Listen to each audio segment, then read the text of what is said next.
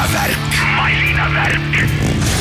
hobujõude ja detsibelle rahistavad autoentusiast Raiko Ausmees ning muusikasõber Tanel Pandre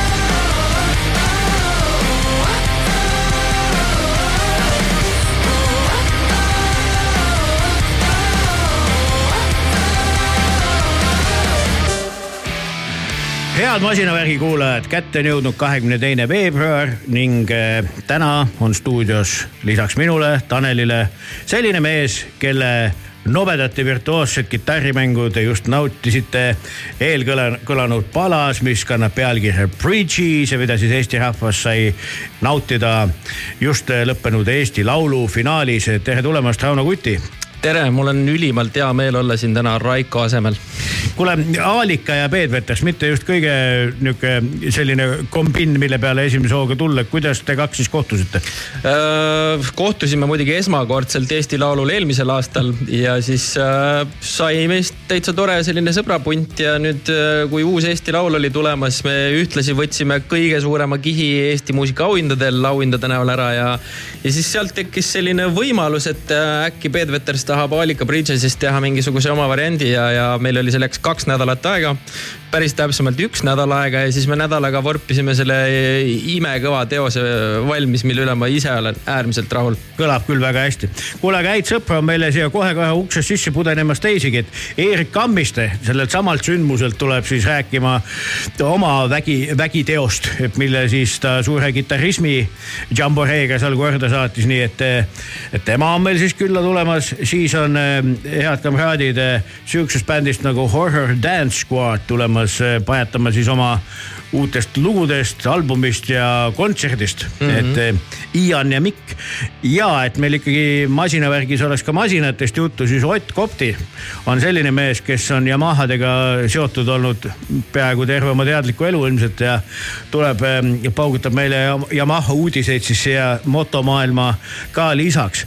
ja tänase muusikavaliku on peaasjalikult kokku pannud siis ähm, Rauno ja, ja igasuguseid ägedaid lugusid on meil siin ka kõvasti tulemas. ühe väikse erandiga selle loo äh, näitel, et minu suur äh, vana ja katkematu armastus nimega Pearl Jam on siis üllitanud uue loo pealkirjaga Dark Matter. kuulame seda ja paneme oma saate käima. Let's roll.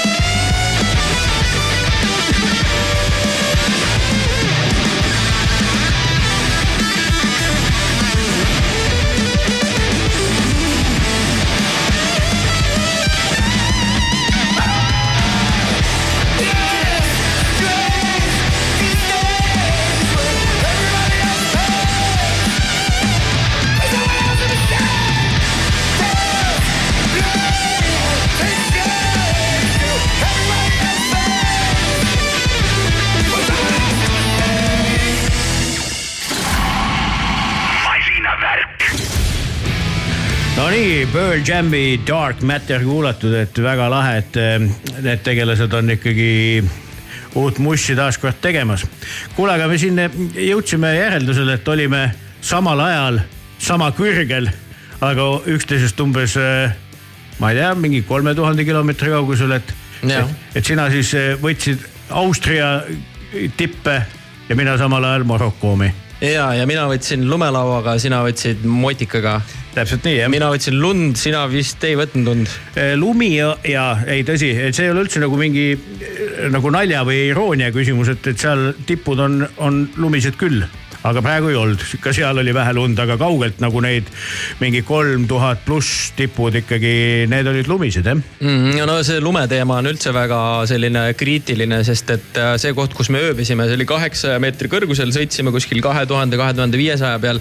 ja seal, kus me ööbisime, seal ei olnud lund üldse ja me küsisime, et kuulge, et mis äh, toimub, onju, et tegelikult ju peaks olema lund. ja tulebki välja, et nüüd on siis uus lumelaua või siis lumehooaeg äh, detsembris ja ongi lihtsalt nii soe, et tuli hea lumi maha detsembris ja peale seda on sulanud. meil Joppas äh, me saime sellise kahepäevase väikse tormi, et saime siis ikkagi kaljude vahele seda värsket lund sõitma minna, mis oli nagu täiesti eepiline kogemus, aga, aga üldiselt on päris nutune see lumeolukord meil siin. Ongi nii Jah. aga kas see koht, kus sa käisid, oli selline, kuhu sa olid ammu tahtnud minna või selline koht, kuhu sa läksid nagu tagasi jälle? Äh, ma läheks sinna tagasi, see oli nagu väga selline kohaliku vibe'iga, kus ei olnud nagu välisturisti, kõik olid sakslased enamasti, mis oli hästi huvitav ja teist, teistpidi me leidsime selle niimoodi, me otsisime kõige puudrirohkemat läbi ajaloo sellist kohta onju ja me leidsime, et Silvretta Montafon on siis kõige kvaliteetsema puudriga koht üldse. ja nii me selle otsuse langetasime, mis oli hästi huvitav, oli see, et, et kuna kõik olid sakslased ümberringi, siis nad nagu kuulasid meie juttu pealt ja nad ei suutnud aru saada, mis keeles me räägime, kust me tuleme.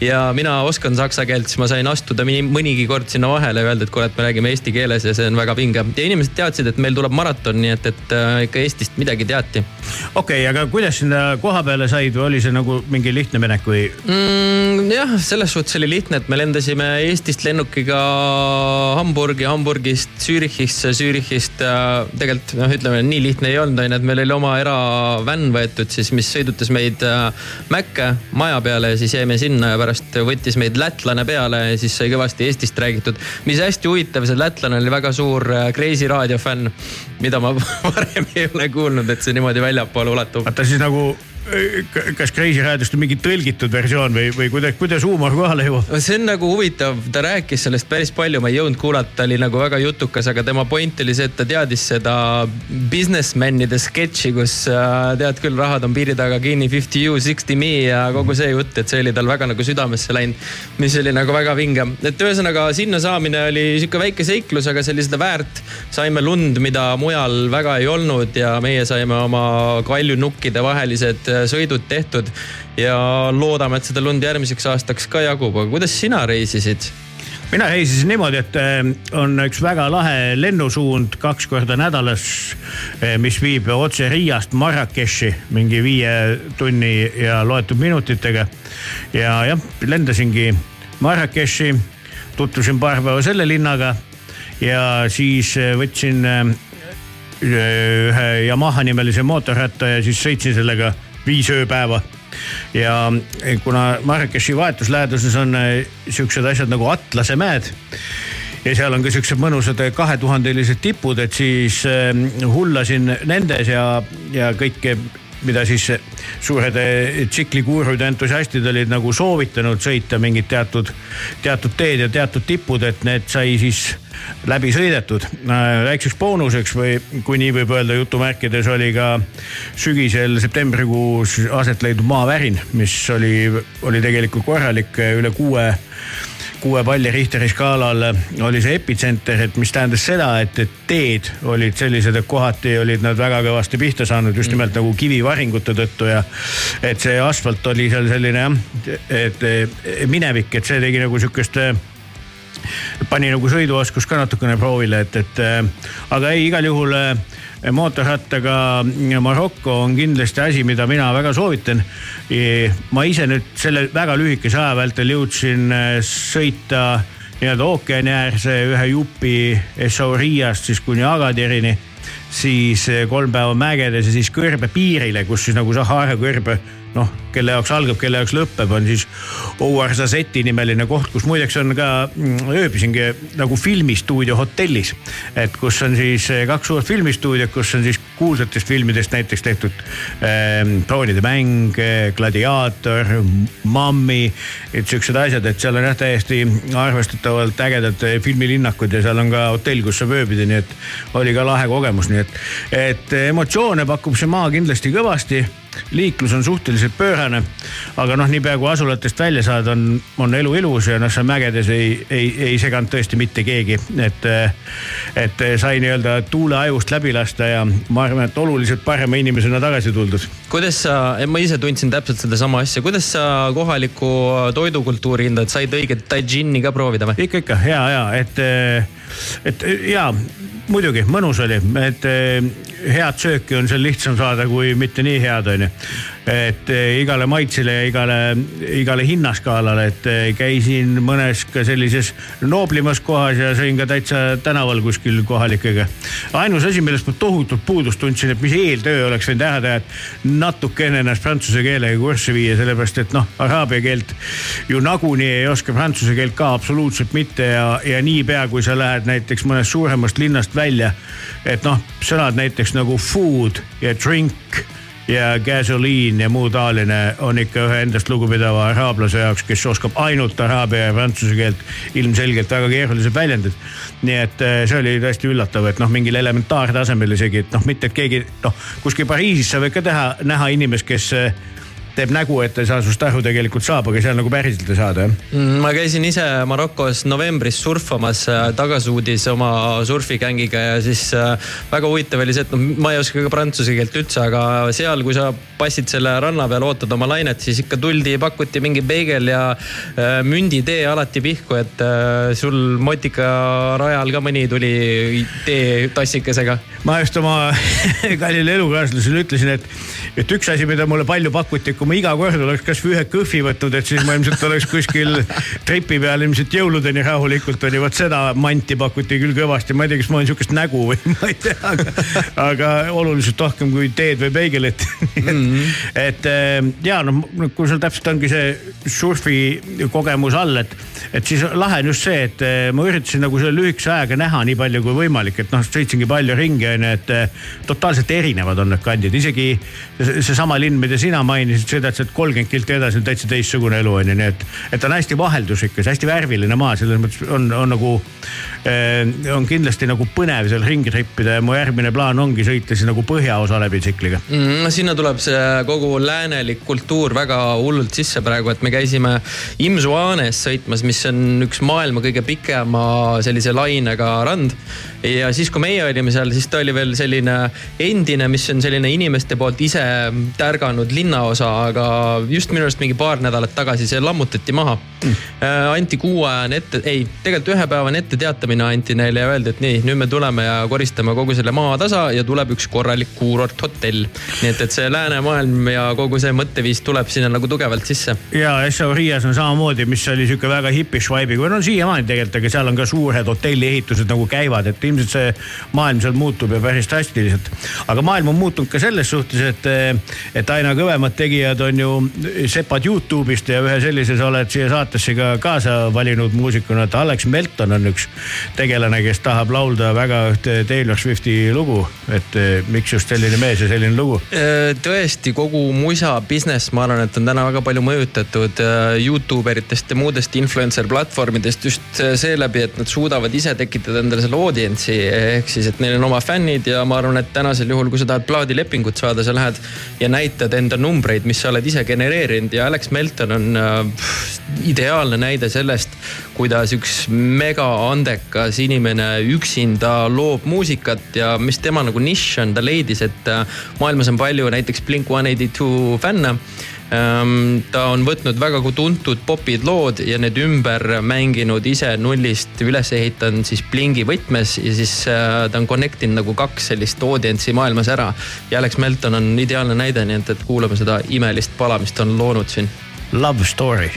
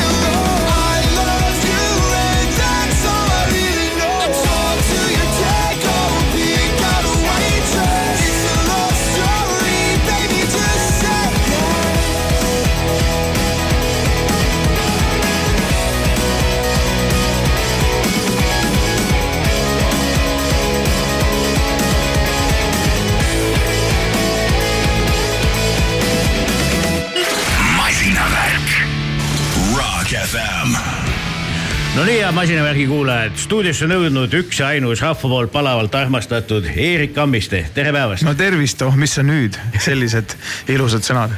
muidugi, muidugi, kuule ilusale mehele ilusad sõnad, aga kuule, sa said ju maha ka ühe väga ilusa teoga, et eh, miks eh, kaassaatejuht ütles, et see mees tuleb kindlasti kutsuda siia, et aru saada, mis tal seal peas toimus, kui ta selle pulli kokku pani. ja äh, ma ei ütleks, et mu peas eriti ku- kunagi midagi toimub, et see on selline kiirrong, mis läheb lihtsalt edasi. Ja kõik mõtted, mis äh, peale jõuavad, need jõuavad ja kui ei jõua, siis äh, küll on kahju. aga see rong pani sul mega hooga Eesti Laulule, nii et, et äh, lühidalt kokkuvõte. kõige vingemad kidramehed tulid lavale ja esitasid eriti retsid soolod. tahad sa rääkida, kuidas see üldse, kuidas see kokku tuli, kust see idee tuli ja, ja mis, mis juhtus sel ajal? ja äh, rõõmuga. režissöör Marek Miil, kes äh, on äh, väga lahtise peaga härra, pean tunnistama, kirjutas mulle novembris juba tegelikult neis asjus ja, ja ma pean tunnistama, et see natukeseks ajaks äh, justkui vaibus maha, sest et äh, tegemist on ju kõigil hästi palju ja siblimist ja sagimist ja muidugi põhifookuses on need kümme finaalilugu, eks. Jah, ja siis ähm, lõpuks me kuidagi võtsime ikkagi sabast kinni ja võtsime produtsentidega ühendust ja oi, ma suudan ennast siin juba teie tooli peal väga mõnusaks istuda et äh, oh. ja siis äh, selle tegemise saime kuidagi jaanuarist jälle käima ja selle mm, noh, ütleme nende poolt ma sain pigem päris vabad käed. mul oli mingi oma visioon, Marek toetas oma nägemusega samamoodi. Ma arvan, et lõpuks ähm, see oli väga orgaaniline. ja sa tõid sinna kõik Eesti vingemad kidramehed, kes seal siuksed nimekamad on, äkki nimetad mõned? ja minu äh, number üks äh, kitarriiidol Eestis on Elmar Liitmaa ja ma sain ta sinna projektile võtsin kogusin hoogu, aga kirjutasin talle ja ta ütles, no loomulikult teeme, et eks iga muusik tahab ikka esineda. ja, ja seal oli veel äh, tegijaid tüüpe. oli tõesti ja koos siis väikese poisi lemmikbändi Terminaatoriga oli üheks suureks lemmikuks ka Singer Vinger ja nende kogumik Amneesia, ma arvan, see oli aasta üheksakümmend seitse, üheksakümmend kaheksa. kus üks väike Eeriku nimeline päda kuskil Mustamäe korteris ringi tatsas ja kuulas ja siis oma mängukitarriga neid äh, käike maha üritas võtta. Ja et äh, siis selline selles mõttes nagu fantaasia nimistu, et sain Mihkel Raua ka kaasa võtta. kuule, aga Eesti eestlaslikult ma küsiks ikkagi seda, et, et tavaliselt ju räägite, noh, on ju kombeks rääkida mitte sellest, mis nagu lahe oli, vaid sellest, mis lahe ei olnud. et, et mis sa neile ütled, keda sa sinna ei kutsunud? Öö, päris mitmed, keda ma tahtsin kutsuda, ei saanud tulla. okei okay,, see on hea ja, vabandus. ja mida ma ütlen neile, Rauno Kuti näiteks, miks ma ei näinud teda seal lava peal? sest Rauno Kuti oli Ei juba ühe teise act'iga ametis. noh, oli juba seal ju no vot, ma olin just lavalt maha tulnud tegelikult, jooksin just lava taha. ma arvan, et see tuleb pärast äh, vanade eestlaste kombel ühe, ühe käsikähmlusega ära lahendada. aga kas külakuhjaga, kas sul oli aga ka, kas sul oli, aga, aga ikkagi see mingi loogika ju sinna pani, ma vaatasin, ma ise seda kahjuks ei ole veel saanud vaadata, et olin, olin sellises kohas, kus selgus, et noh, sätitasin ennast korralikult eh, eh, wifi ühendusse ja siis selgus, et ERR-il on geoblokk peal. et noh, ühesõnaga proovin uurida, et noh, et kas lisaks Põhja-Koreale on ERR-il midagi sellist, mida muu maailm näha ei tohiks, on ju, et, et kas sellel on mingi loogiline seletus või lihtsalt ununes. aga, aga nägemata see nagu jäigi, aga küll aga ma nägin foto pealt, et, et sul oli õnnestunud ka paar säravat naishinge sinna lavale just, saada. minu jaoks äh, tundus see igati loogiline, et aastal kaks tuhat kakskümmend neli, eriti kuna see esindatus on ju olemas, et mida me sinna siis meestena kõik haiseme läheme, et meil on ju tegelikult ka säravaid, nagu sa ise ütlesid, kitarriste, meil on äh, ka Eesti Laulule kõvasti kanda kinnitanud Minimal Wind näiteks, kus mängis Paula Pajusaar ja tema noh, tema, temale püstitatud ülesandest tema sai ta, ma arvan, saja protsendiga hakkama. aga mitu lugu seal üldse esitusel oli, et selles mõttes see oli popurii vingematest äh, lugudest, sealjuures üks Peet-Vetrise lugu, nii et tehniliselt No ma nagu laval olin, onju. et äh, mis lood need olid ja kuidas need lood valitud said üldse? mulle endale meeldis see number kümme, et kümme finalisti ja kuidagi Eurovisioonil on see noh, point muidugi kaksteist, siis võib-olla oleks võinud kaksteist olla, aga me nii metatasandile ei laskunud. kümme lugu, tead ühtpidi ähm, käisid mingid nimed juba eos läbi, mõnele ma andsin ka ise valida, et äh, see oli justkui eeldus, et nad sinna saada, et nad võiksid ise lasta fantaasia lennata, ma ise produtseerisin taustad, aga näiteks ähm, ma, ma ütleks nii palju vaid, et see muusikaline osa kui selline oli mul peas juba mõnda aega olemas et sellega ei pidanud liiga palju vaeva nägema, et kui keegi ütles, et ma tahaks teha, no Mihkel ütles, ta tahab teha Džingis Khani aastast tuhat üheksasada seitsekümmend üheksa, millest tõsi, mina ei teadnud, et on äh, eurolugu. lugu teadsin ise muidu väga hästi ja siis äh, ma ütlesin, et selge, selle peab siia asetama, et see hakkas mul peas elama enne, kui ma ta kokku sain ja siis oli seal see mõtteline rokiplokk on ju.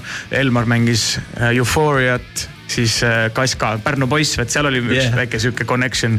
Kaska Tanel Padari bändist mängis äh, Monstersit ja, ja siis oli üks lugu, mida produtsendid käisid välja, oli Hard Rock Halleluuja, et mina olin siis, kes võttis selle õnnetu Hard Rock Halleluuja, mis tegelikult jumala lahe lugu väga-väga õnnestunud pop-rock lugu.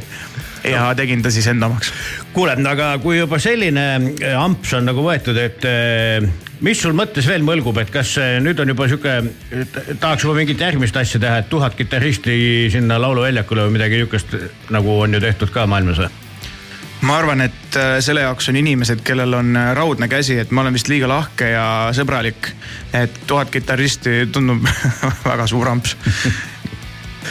Aga, aga teha võiks selliseid asju kindlasti ja loomulikult. aga mis su muusikalised eh, praegu eh, tegemised veel lisaks sellele, vot Otile produtseerisid ühe loo siin ükspäev kuulsin, väga tore oli. minu meelest see on ka väga tore lugu ja Ott äh, on äh, fantastiline laulukirjutaja. inimesed ei tea seda võib-olla liiga palju, et mis on noh, tänapäeval võib-olla võrdsustatakse popartiste sellega, et neile kirjutatakse lugusid. Ott ikka võtab selle ohjad ise ja selles mõttes on rõõm selliste inimestega koostööd teha, eks ole näha, mis järgmisena, vaatame ahah, aga ikka niuke sinna Oti loosse suutsid ka ikka kitarri kuidagi sisse pressida. kõige viimase asjana kusjuures, rockikaks teha veidi. hästi pisut ja kõige, kõige viimase asjana. aga siukseid salvestamise töid ja asju on sul nagu kõvasti? Need on üksjagu, et ma olen õppinud ennast, ennast selles asjus doseerima veidikene, et ei taha üle panna, sest siis ei jõua ära teha. kuule, Eerik, aga me ennem rääkisime siin äh, Youtuber kitarristidest hästi palju ja see Kidra Shred sellises Youtube'i maailmas on hästi trendi värk, et äh, millal Eestis võiks hakata näha Youtuber kitarriste näiteks kasvõi sinu näol äh, ja, ja siis saaks ju soolosid ludistada kogu aeg ja näidata, kuidas see asi käib. tead, ma olen liiga kole ja mul on liiga vähe tätoveeringuid, et olla äge Youtube'i kitarrist, ma olen täheldanud, et või siis, et mul ei ole liiga pikk habe või et mul ei ole midagi tä- tähtsat öelda, et lahedad äh, Youtube'i kitarristid äh, ikkagi äh, on sama palju head näitlejad, kui nad on kitarristid, et nad, need on nagu lahe vaadata selle juures. ma arvan, et Youtube'i kitaristiks mitte, aga eks ikka vahel Instagramis võib-olla paar likikest, et kui oled midagi head ära õppinud, eks ma ikka harjutan ka tänapäeval.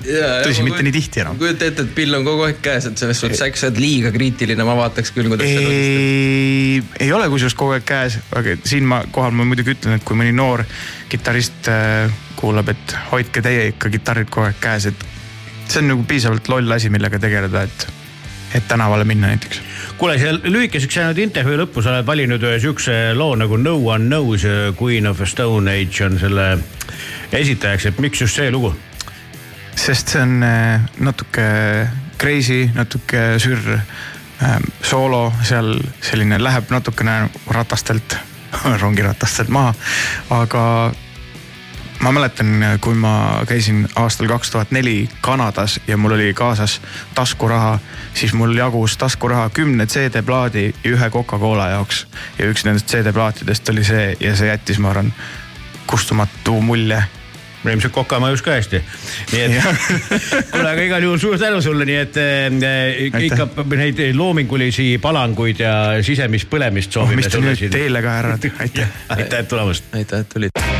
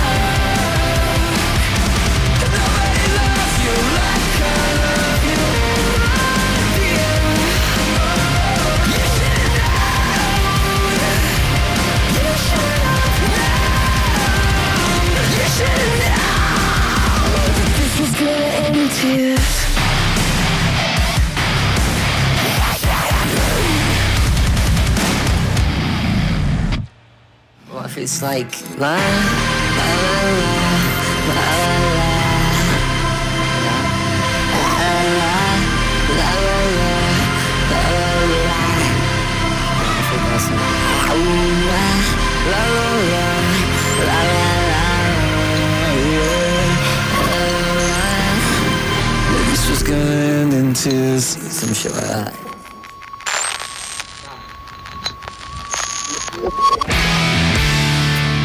Nonii, meil on stuudios täna Horror Dance Squad. Tere. tere, kutid. tere, tere.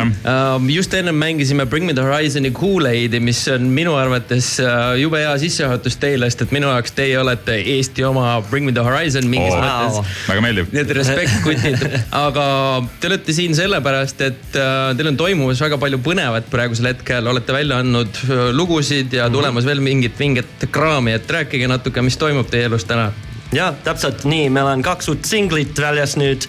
Taste the Doom ja Vexed ja varsti tuleb meie kümnes juubelkontsert Tapperis. jah. kümme aastat Horror Dance Squad mm.. Cool, ma olen äh, mõlemat äh, lugu kuulanud äh,, ma saan aru, et te olete võtnud natukene heavima approach'i asjale, et äh, lihtsalt kuulajale ka teadmiseks, et Horror Dance Squad on ikkagi päris küte, et äh, kuidas te, mis žanris te äh, tegutsete? see on väga hea küsimus, et me oleme rääkinud sellest bändist, et äh, kas me oleme metalcore, pigem mitte nii nagu no nii core, nii skeen, aga electronic core nagu äh, Electric Cowboy või, aga kuskil seal vahel, et me teeme natuke punk, natuke isegi räpp või hip-hop.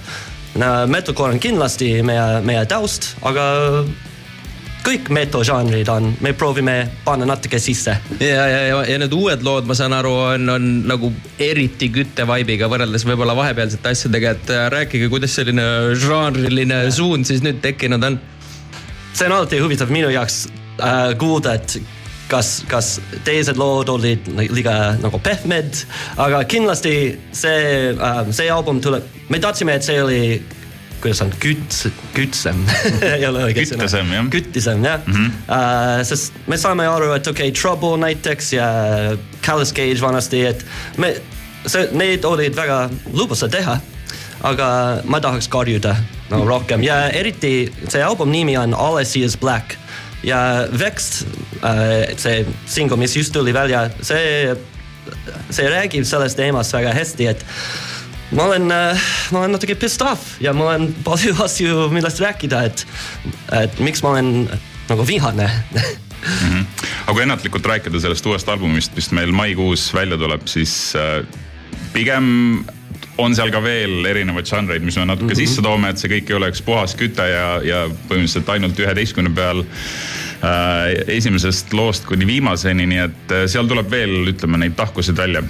-hmm. Äh, üsna heavy album on tõesti. aga nagu, kas kümme aastat on olnud nii tume aeg, et tuleb teha nüüd nagu täiega jalaga äh, kütet anda ja tumedamas varjus näha maailma või, või, või kuidas te selle kümne aasta sellise tegutsemise, ma ei tea, kokku võtate mingite värvide all või kuidas te iseloomustate seda?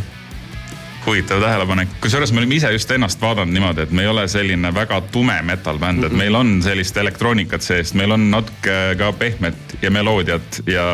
no sõnad ka, ma, see on minu jaoks väga oluline, et meil on positiivne äh, sõnum, et pop, no meie fännidele, et, et metal on tavaliselt väga nagu tume ja kurb isegi, aga ja nüüd äh, nagu laval näiteks me, me kanname ainult must ja valge, see võib olla pimedam ja al, äh, alguses kandsime pigem roosat ja, või ilma särkida, aga kuna, kui ma, ma saan vanemaks, ma kindlasti tahaks karjuda ja eh, lauda niimoodi, aga sama ma tahaks, et mul on uus väljakutse lauljana, et siis kui me räägime, et no meil on pop sees, see on sellepärast, et ma tahaks lauda midagi raskem, no väljakutsem, minu ja Karolil on sama, sama mõte.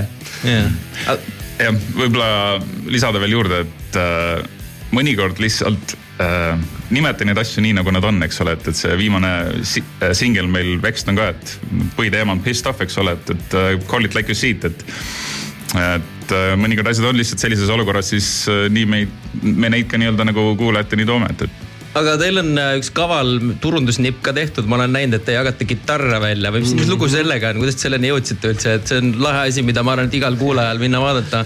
Horror Dance Squad'i Facebookist näiteks. ja, ja meil on tulemas selline võistlus, kus ootame äh, meie lugusid fännide ettekandes sellel samal üritusel ning anname ära ühe kitarri selle eest. Et meil on koostöö juba mõnda aega ühe äh, tootjaga nimega Aaria, kes teeb pille ja siis üks pill on meil nii-öelda üle. selle me seal siis ära anname, nii et vaadake meie Facebookist infot selle kohta ja see pill võib olla teie. nii et, et kõik kidravennad, tõmmake Horror Dance Squad'i Spotify lahti ja õppige Täpselt. lood selgeks ja saab lavale, ma saan Jah, aru. täpselt. piisab ühest käigust lihtsalt, ei pea tervet lugu ära mängima aga siis kogu bänd saadab või?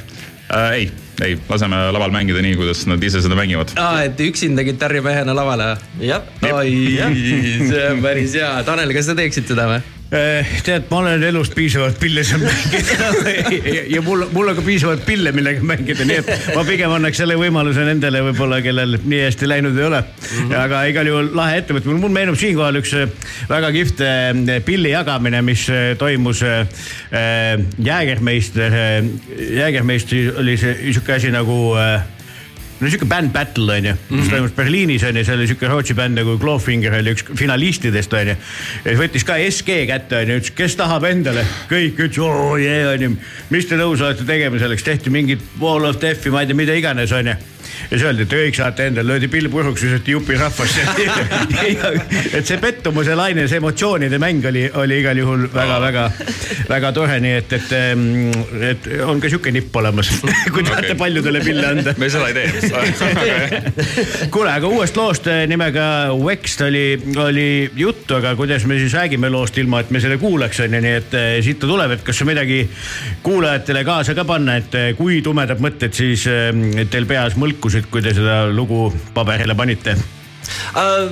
mitte nii tume uh,, ma uh, isana ma, ma, ma nüüd hakkan tundma, et okay, ma tahaks, et meil on tulevik minu tütar ja, ja tütred ja, ja poiste jaoks ja et uh,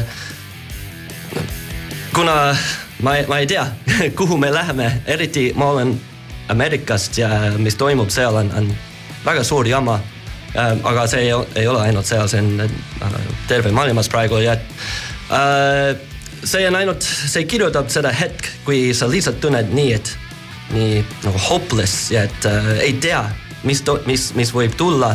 aga me loodame midagi, et me võime võtta no kõik kokku, ennast kokku ja otsustada, et me tahame äh, tulevikku meie no, järgmine generatsiooni jaoks äh,. Siis kindlasti ei ole, et kõik on, kas ma võin öelda sitt ja et äh, see, et äh, kõik on nagu, kuidas on hopeless mm, -hmm. aga, aga see hetk praegu ah,, ma lihtsalt tahaks karjuda, et ma, et ei, ei lähe hästi. mida me teeme? jah põhimõtteliselt te tegid juba vaba tõlke loost ära, ma vaatan. et kuulame siis originaali ka, siit ta tuleb Teeme nii.. Horror Dance Squad. masinavärk, masinavärk.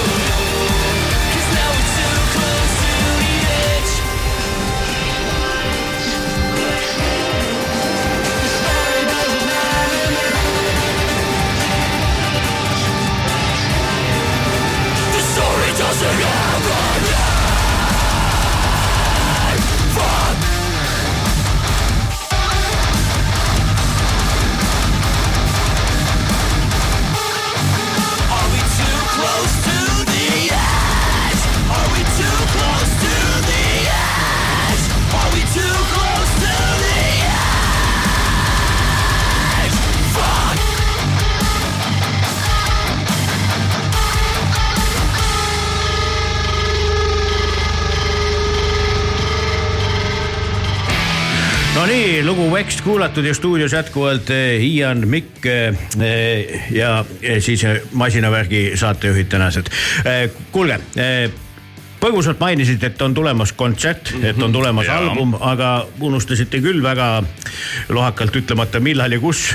koha vist mainisite, aga, aga kuupäev jäi kuidagi õhku. mm. -hmm. esimeses märts äh, Tapperis äh, üks erand kell seitse, ma arvan, alustame Südvaras, sest meil on neli bändit äh,. Pink Wave, Everfall, Pridian ja siis meie. ja mõned väga toredad üle äh,, üllatused tulevad nagu vahel, bändide vahel.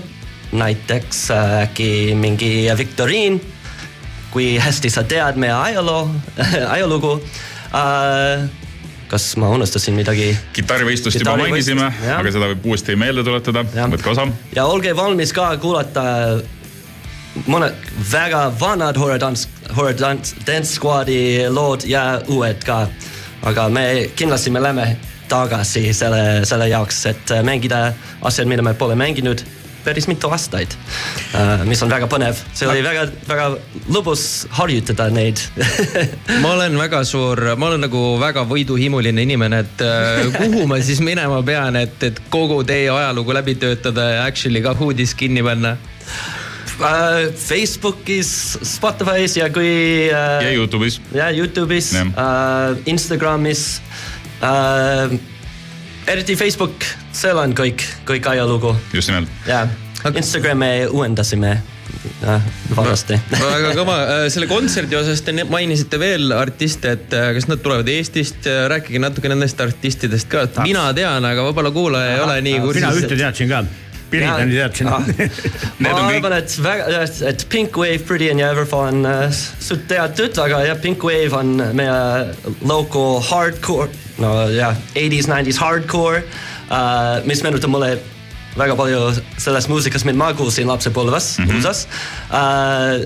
siis Everfall oli bänd, kellega me mängisime Tapperis esimesel kontsertil, see on uh, et teised bändid, kellega me mängisime, ei eksisteeri enam. jah, ma, ma arvan, et see näitab seda skeene tugevust tegelikult päris hästi, et, et, et kuigi need äh, Everfall on nüüd ainuke bänd, kellega me toona mängisime, mängisime, kellega me mängime nüüd, siis väga paljud needsamad tegijad on erinevates bändides Jah. endiselt tegevad kümme aastat hiljem ja minu arust see lihtsalt Pretty- näitab seda skeenet väga heas valguses, et, et ja, ja siis meil on Pridian ka, kes, kes on äh, uued äh, väga tugevad väga tegijad. tugev, jah, jah Jah., siis väga tuus line-up, väga no küttekontsert tuleb, väga lahe õhtu. palju, palju karjumist ja kidrasoolosid või kuidas te võtaks kokku selle musa? täpselt.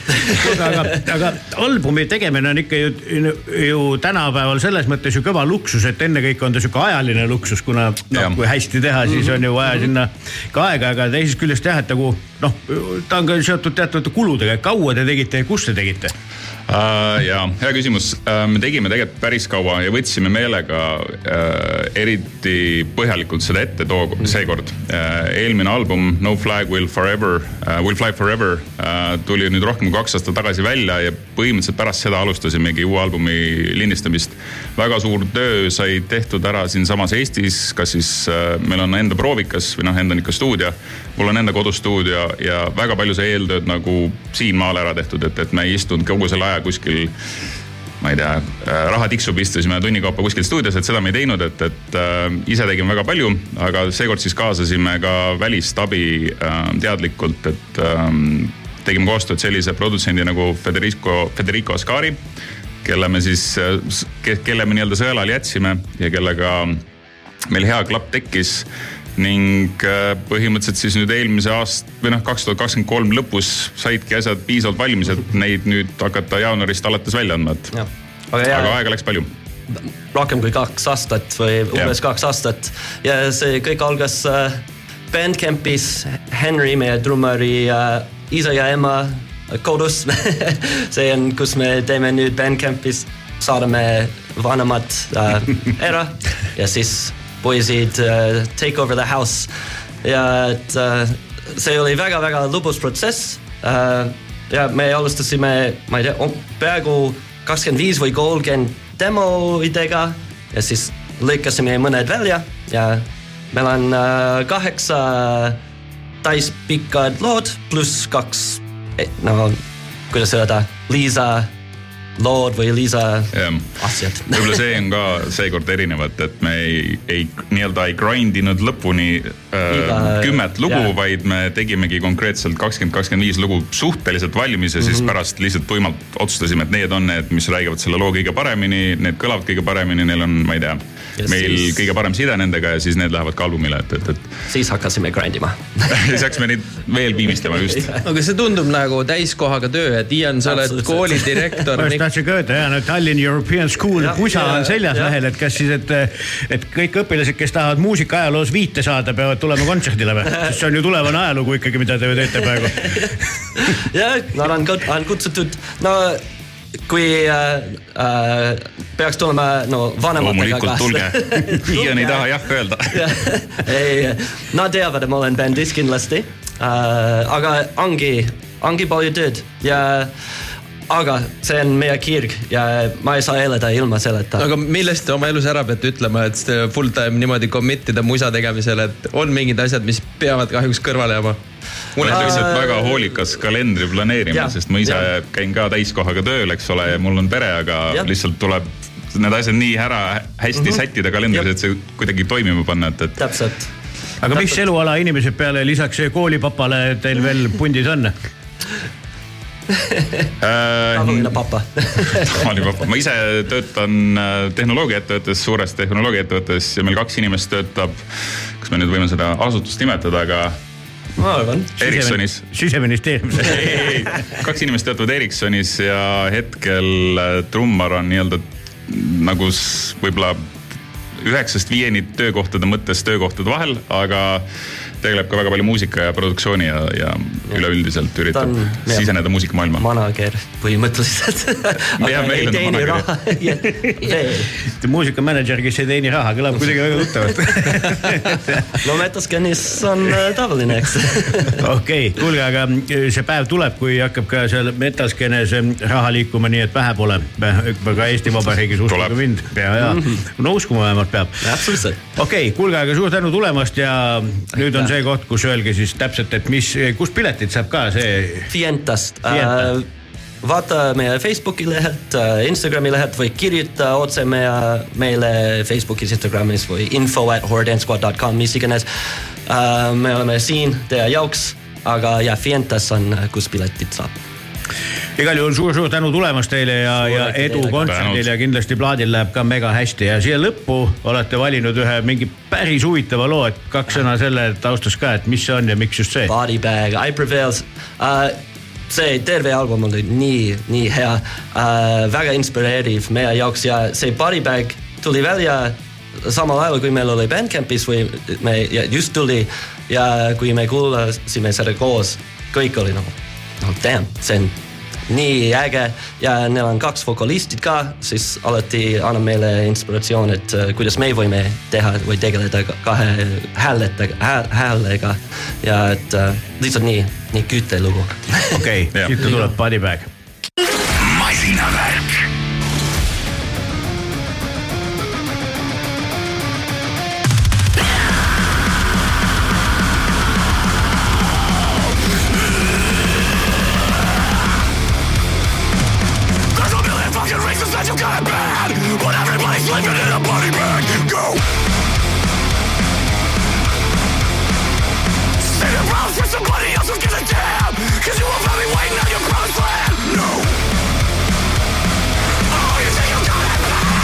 Telling you to bite down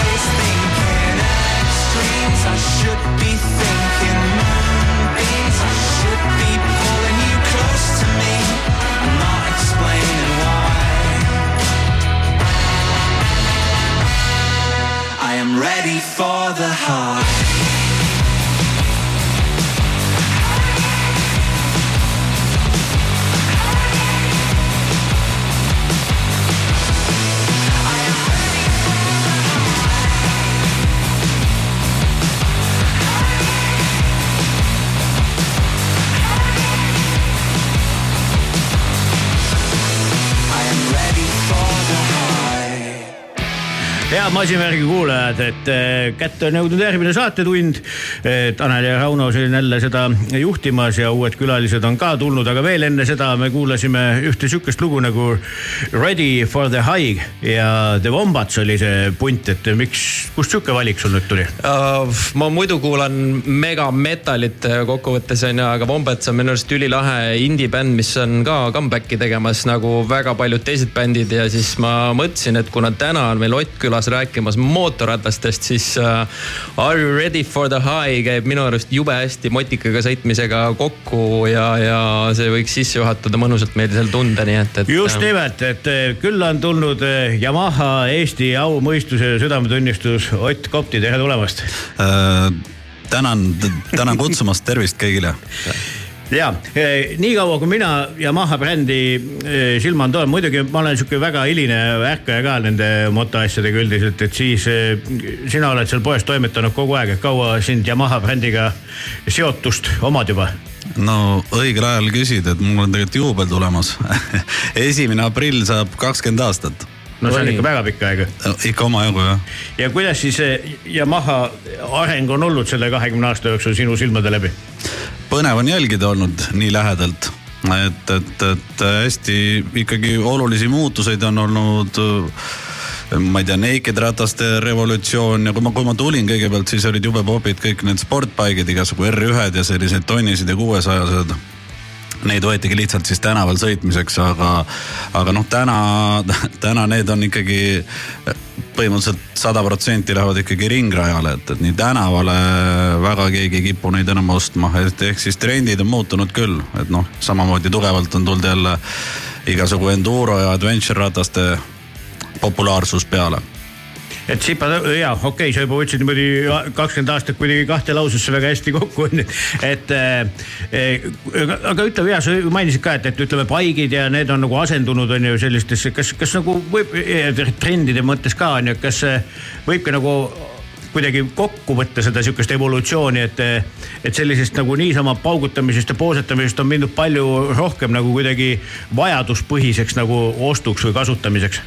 väga õige jah, võib-olla, võib-olla jah, kunagi oli lihtsalt, et ma tahtsin mootorratast et lihtsalt, ma ei tea, äge olla või, või, või proovida midagi uut, aga nüüd on jah, selline väga tugevad igasugused motohobid välja kasvanud nagu siis metsas endurotamine, motomatkamine meil on korralik ringrada tehtud, et kes siis omale mis niši leiab, kes sõidab off-road'i, kes on-road'i ringrajal ja siis matkamehed ja, kuule, aga mul siin kaassaatejuht on ka Yamaha omanik suisa, nii et oh.. ja, ja mul on äh, Yamaha XJ üheksasada aastast tuhat üheksasada seitsekümmend viis. ja ma olen selle täiesti ära rättinud, ehk siis, et kõik, mis on võimalik maha võtta, on maha võetud, kõik, kuhu on võimalik peale joonistada, on peale joonistatud.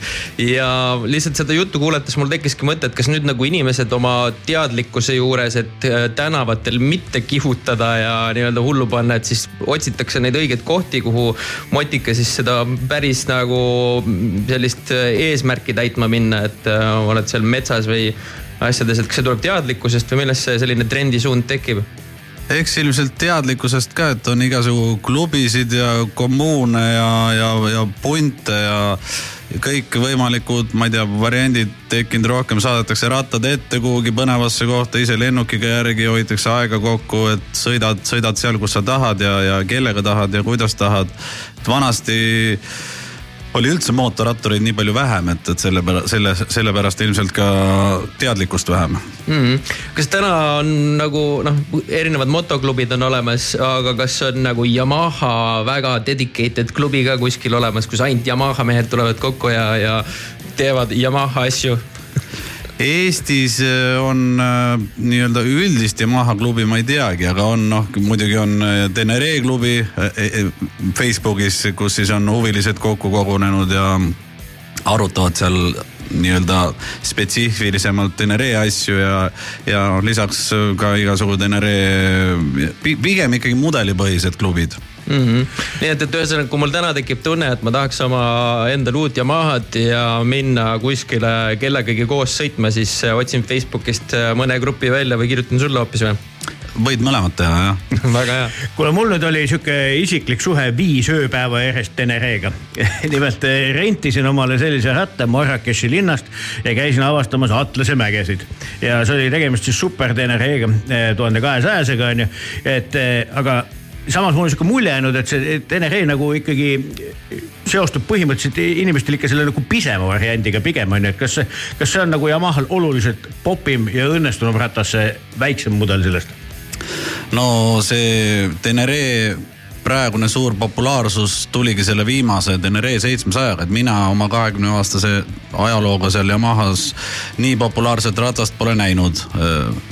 et, et see on nagu nii kui ta, teda oodati muidugi nagu, nagu hullud ja siis ta jäi mingi kaks-kolm aastat hiljaks ka.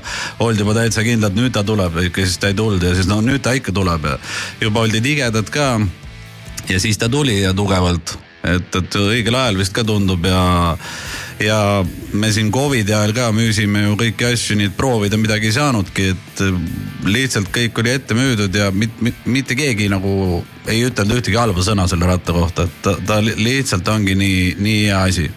Aga, aga see suurem vend tal nii-öelda on natukene nagu siis varju jäänud sellele seitsmesajasele? No suurem vend kahjuks äh, täna ei ole uut võimalik üldse saadagi, suurema venna tootmine lõpetati kaks tuhat kaheksateist ära.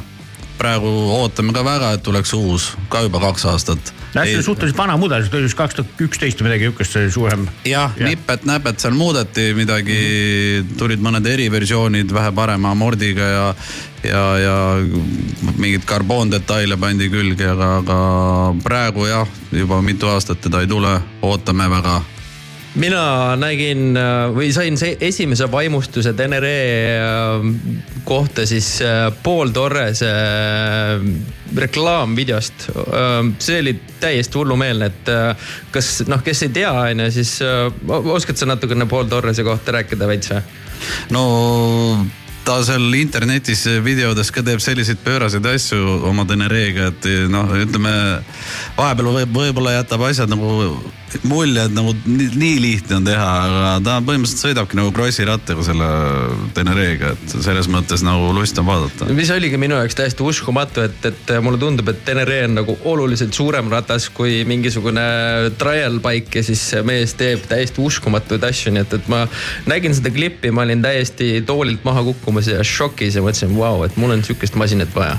Okei okay., kuule, aga Yamaha juttu jätkame siin peale seda, kui me oleme kuulanud ära siukse loo nagu Over the Mountain, mis muidugi haakub ju sellesse matkamise teemasse väga hästi Ozzy Osbourne esitajaks. sest ma panin mõned ajad tagasi, mul ei õnnestunud osta poest sihukest raamatut nagu see Ozzy mingi elulugu, mis eesti keelde tõlgiti ja siis ma küsisin lihtsalt eh, Facebookis, et kellel on ja siis Ott ütles, et tal on, siis ma peakski laenama aga. sa ei tahtnud ikka või? ei, ma pole lihtsalt jõudnud Aa, nii kaua, mul on Ferrari raamat praegu pooleli, väga hea, soovitan muideks, kes pole veel lugenud, siis lugege, väga hea tõlge kusjuures ja väga hea raamat. aga kuulame Osit ja jätkame Yamaha juttu.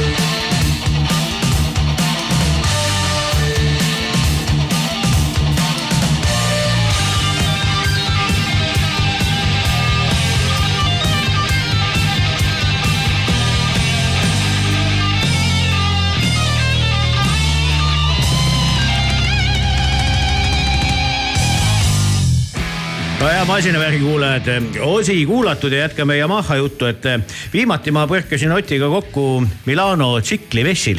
ja mis sulle, mis sulle seal silma jäi ja milliste igasuguste uudistega siis nagu Eesti rahvast rõõmustatakse Yamaha poolt? Jäi silma, iga aasta on seal rohkem eestlaseid, mis on tore, eesti keelt kuuleb päris palju juba.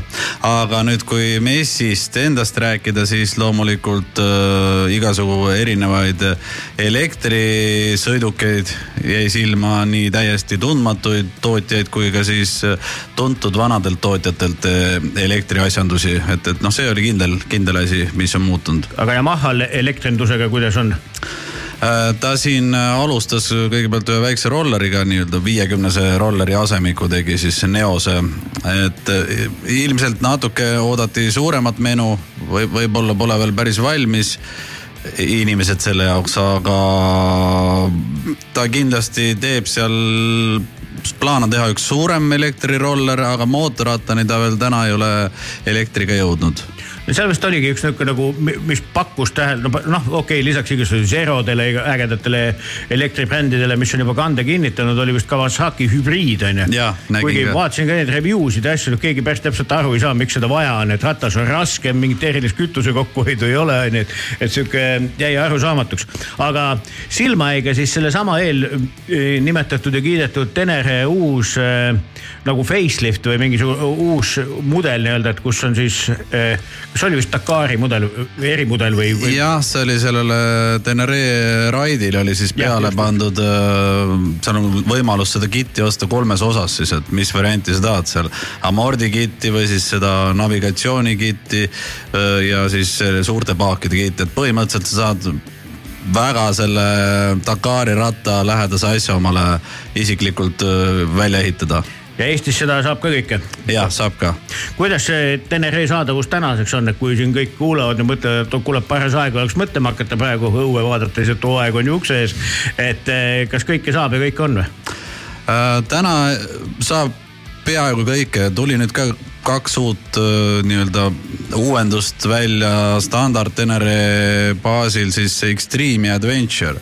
et neid äh, täna kohe mul ei ole veel anda, aga märts-aprill peaks jõudma need ka. proovisõidud hakkavad millal? Kui ilm lubab, et siis äh, paneme info ka kindlasti välja ja, ja ise, ise kui näed, et juba võiks sõita, tasub tulla ka küsima, et Teneri on kindlasti ka üks proovi, üks ratas, mis me omale demoks võtame. kas mäletan paar aastat tagasi oli üks suur testipäev, kus oli nagu väga-väga suur hulk äh, mudeleid väljas, kas midagi sellist on ka tulemas? Äh, proovime saada omale see aasta ka jälle selle MT-tuuri, kus on siis kõik MT-seeria, need Hyper Naked tüüpi rattad saja kahekümne viiesest kuni tonniseni. siis võimalik on ka, et tuleb veel eraldi MT null üheksa tuur, kuna MT null üheksa on selle aasta üks kõige rohkem nii-öelda kõige suurem uudis uuendati täitsa uus ratas ja hästi läheb, tuleb veel Tenere tuur ka, aga eks, eks nii pikalt midagi kindlat ei saa öelda, aga, aga need on vähemalt soovid ja võimalused. ja teie kiire kanal on Facebook või, mida jälgida? Facebook ja Instagram ka jah okei okay., aga äh, kui, kui veel nagu messi juurde tagasi pöörduda, et mis sulle lisaks sellele, et, et okei okay,, et elektrikaid oli püha kohus kõikidel omada seal on ju, et aga kas, kas, kas, kas sul jäi ka nagu see tunne, vähemalt mul jäi, et, et ähm, et hästi popid on, on, just niisugused nagu matkarattad, aga alla tuhande kuubiku, et neid, neid oli valikus nagu päris paljudel jah, see trend suureneb tegelikult mitte ainult matkarataste osas, vaid ka naked ja enduro kõik, et on siuksed kolmesajased, neljasajased. hind väike ei ole nii hirmutav, ehk siis kes ei sõida võib-olla nii palju, ei pea nii palju investeerima või ei tunne ennast nii kindlalt, et ei, ei taha kohe mingit jubedat püssi omada, et lihtsalt kehva tunne seal hirmul näoga sõita, et siis nende, nende populaarsus jah suureneb. Sest tegelikult eh, nende nagu nii-öelda kallima otsa premium matkarattastega on minu meelest juhtunud natuke sama asi, mis autodega, et need hinnad lihtsalt on nagu uuel rattal ikka üsna kosmosesse läinud on ju, et seal mingi alla kahekümne tuhande ei juhtu suurt naljalt midagi, eks ole, et, et, et see on ilmselt ka üks põhjus, miks, miks inimesed võib-olla vaatavad selliste soodsamate ja käepärasemate vahendite poole ka. ei no kindlasti, et kui sa tahad natuke oma hobiga tegeleda, siis sa kohe ei pea sinna kolmkümmend tuhat raiskama, et, et äh, sa saad ka täitsa mingi seitsme, seitsme tuhandega täitsa korraliku ratta näiteks. aga Yamaha poest ju lisaks tsiklitele leiab igasuguseid asju veel, millega oma elu jube palju põnevamaks teha ja Yamaha on sihuke põnev bränd, et äh, me, meie küll muusika poolega ei tegele, aga. aga võiks. jah, ehk siis muusikaga ta alustas, aga moto poole pealt on tal siis nii paadimootorid, jetid kahjuks mootorsaanidega ta nüüd lõpetas küll ära, et, et neid saab nii kaua, kui neid veel on. aga mootorrattad, ATV-d ja mariin siis ehk siis mere pool aga mis Eestis nihuke nagu kõige südamelähedasem on inimestele, mida kõige rohkem näppimas käiakse? sa mõtled nagu valdkondadest? jah, või üldse nagu mingit toode konkreetselt ka? no Tenereed õudselt näpivad yeah.. see on nihuke kultuspill juba tänaseks aga meie, meie poes, noh, kuna me alustasime ka mootorrattaga, siis ilmselt seda moto poolt, motoinimest satub meile rohkem, aga noh, lisaks meil on ikkagi ka paadid ja müüme, müüme mootorpaate ja see merepool on ka väga tähtis meile. Ma olen äh, huvitatud, ma tahaks proovida ühte Tenerit, et kuidas sellega on, et kas ma tulen kohale, saan platsi peal sõita, kuidas see testisõit üldse välja näeb, et ma ei ole, ei ole käinud, ei ole näinud ise valid marsruudi, tuled kohale, helistad igaks juhuks, küsid, kas on vaba üldse sellel ajal, kui sa tahad tulla, tuled kohale, võtad load ka kaasa igaks juhuks mm, -hmm. et me näo järgi ei tuvasta ära, kas me tohime sulle anda. ja kui sul on kõik korras, siis anname sulle pilli kätte ja lähed teed ise tiiru ära, et, et üldiselt sihuke pool tundi, aga noh, kokkuleppel saab ka vähe pikemalt. ja, ja siis võib teid kindlasti leida kuskilt väliüritustelt ka, on tulemas mingisuguseid põnevaid festivale või, või ma ei tea, moto avamised, lõpetamised ja asjad, olete kohal?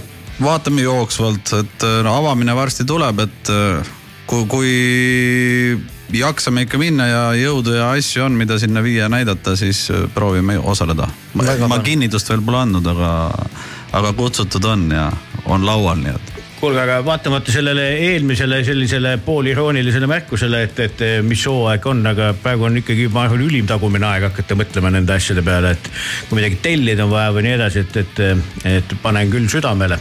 kuule, sa oled siia lõppu võtnud ühe, palusime kaasa võtta loo, ütlesid, võtsid tütrele Helmut loo, milleks on Cowboys from hell. et ja. päris raju valik, et sihukest mussi kuulategi siis isa ja tütar või? no talle meeldib jah, kuidagi autos saab omi mõtteid mõlgutada. jah, et, et sooviks midagi leebemat, aga siis äh, väike tütar nõuab, et nüüd on kätte jõudnud Pantera aeg või? umbes nii ta on jah, et ma siis tervitaks ka selle looga siis oma ainult väga, väga tore, kuulge äh, ühesõnaga nüüd te siis teate, kust Yamaha kohta saab kõike küsida, et Ott hea meelega vastab, pood on teil äh, seal.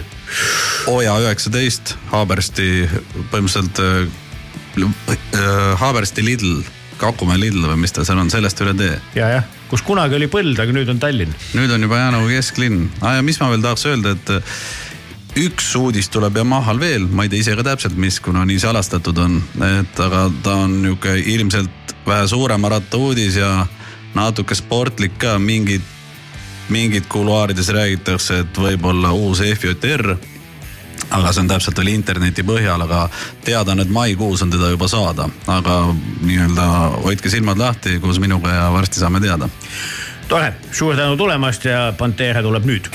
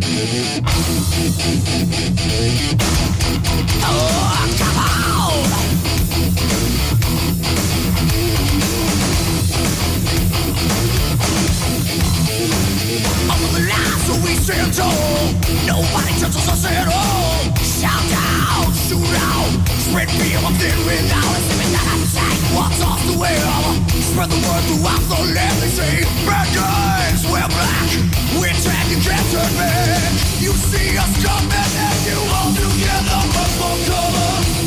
We'll take it over this town. Here it comes, reach for your gun and you better listen well, my friend, you see.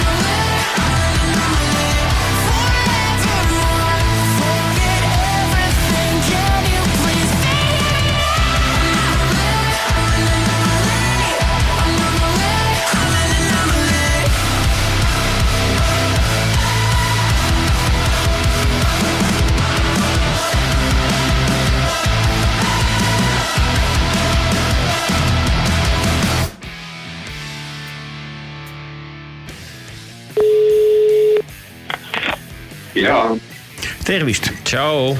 masinavärk siinpool, kas äh, Raiko Ausmees kuuleb? no väga mõnusasti kuulen.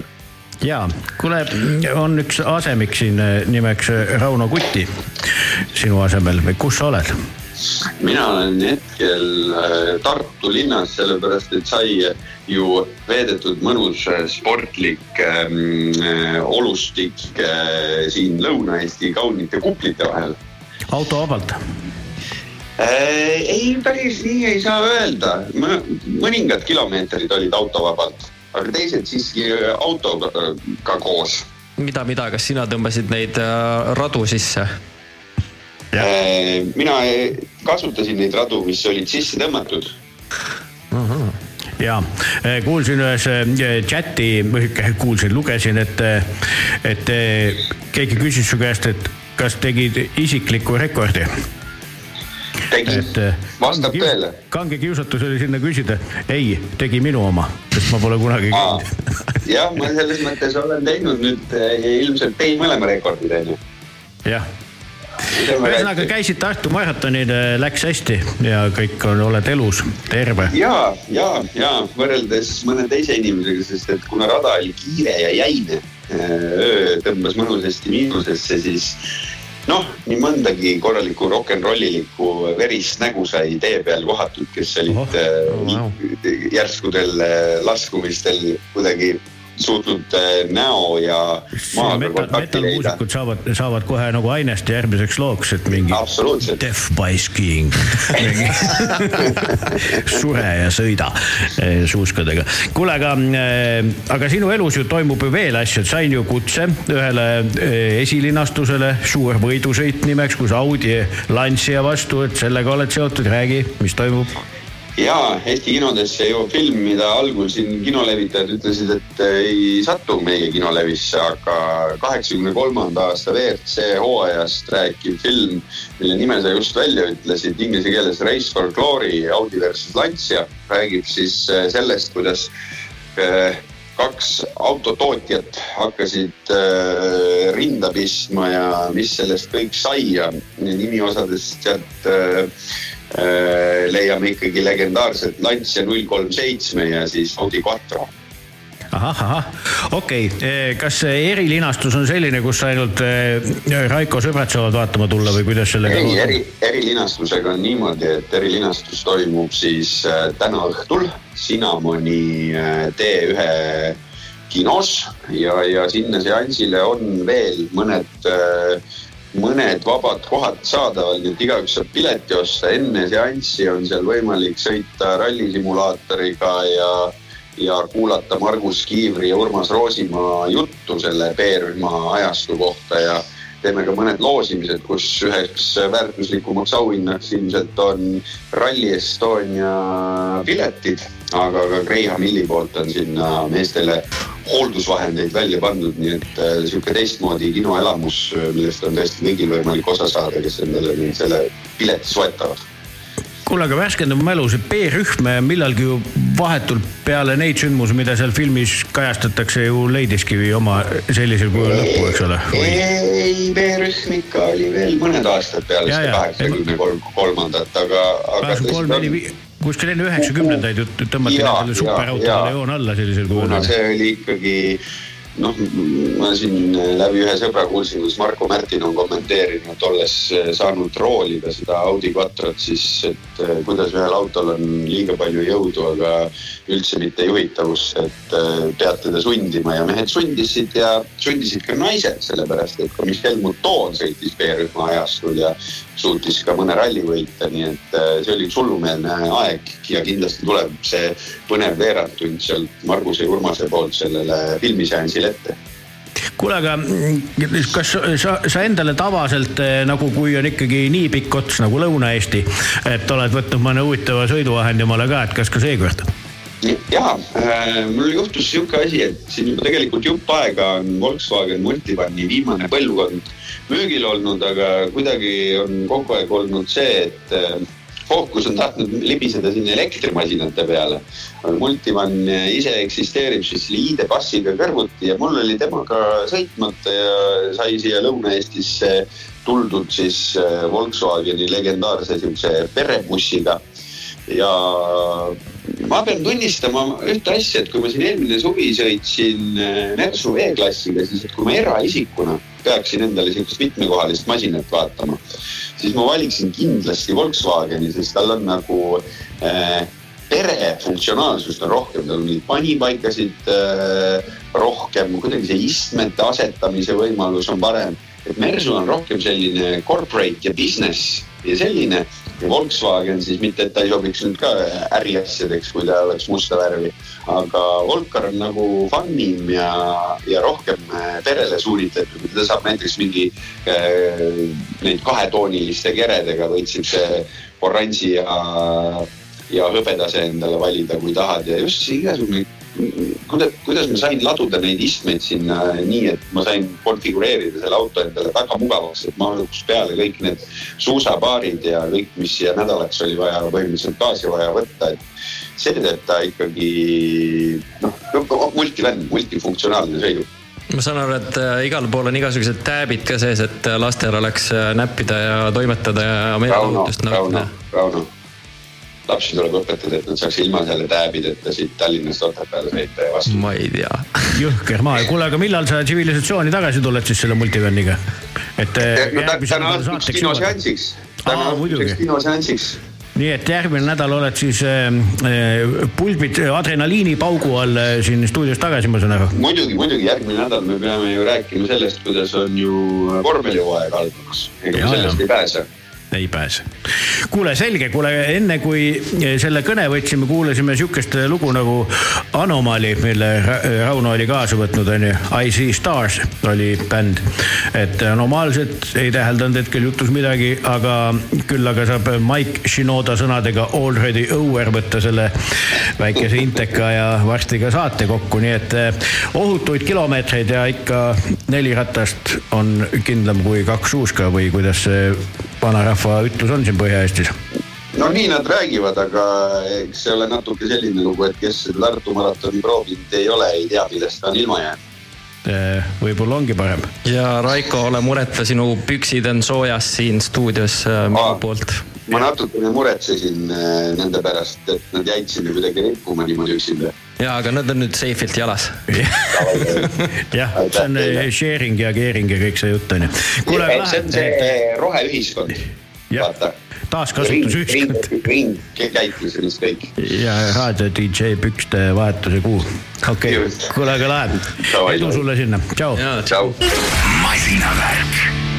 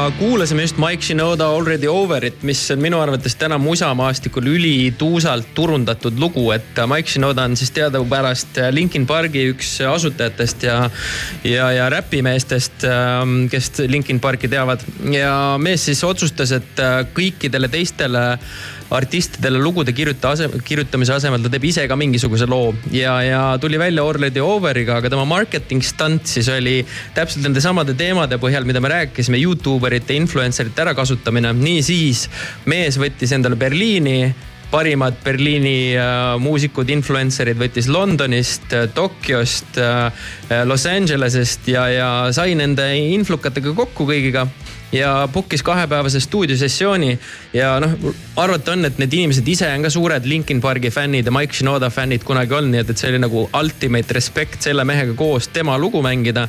ja siis lisaks iga nagu sessioon, mis siis koos veedeti, tegelikult mängiti ka noh, muid Linkin Pargi lugusid ja, ja kaifiti seda koos olemist, et, et kui keegi vähegi viitsib, siis Youtube'ist otsige üles Mike Shinoda Already Over ja, ja neid stuudiosessioone saab nagu mõnusalt järele vaadata ja noh, mis huvitav ongi, et, et iga muusik nagu lisas nagu selle oma touch'i ehk et iga nagu sessioon kõlas nagu veidi erinevalt. et äh, väga lahe, et äh, comeback'ide aasta või siis teine aasta juba käib täies hoos mina naudin seda täiega, kuidas sulle see lugu meeldis, Tanel? kuule, mulle ka meeldis jah, et äh, lahe oli, mulle, kui ma kuulan seda kõike, seda taustalugu, millest ma ei olnud üldse teadlik, on ju, et kas äh, sellised tegevused nagu äh,, nagu sind äh, mõjutavad oma bändi tegemiste puhul ka, ma pean silmas seda, et mul on sihuke mulje jäänud, et nagu Peet Veters siis noh, nii-öelda selle uue tulemusega ka niisuguseid juhuslikke asju on pigem nagu vähe.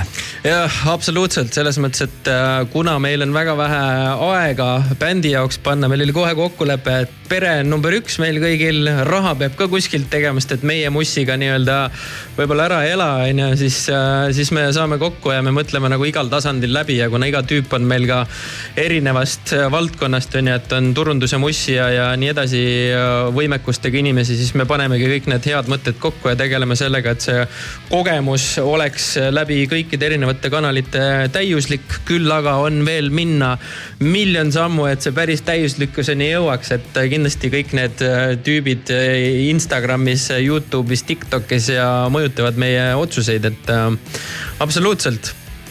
Ja tänases saates oli meil ju tegelikult ju äh, oma asju hästi turundavaid inimesi küll onju, et üks arvas üldse, et teda ei tohiks kunagi näidata, mis on sulaselge vale, pean silmas Eerik Kammistet, AK Instagramist, nagu ta ennast nimetab, ikkagi konto on ju mehel olemas onju.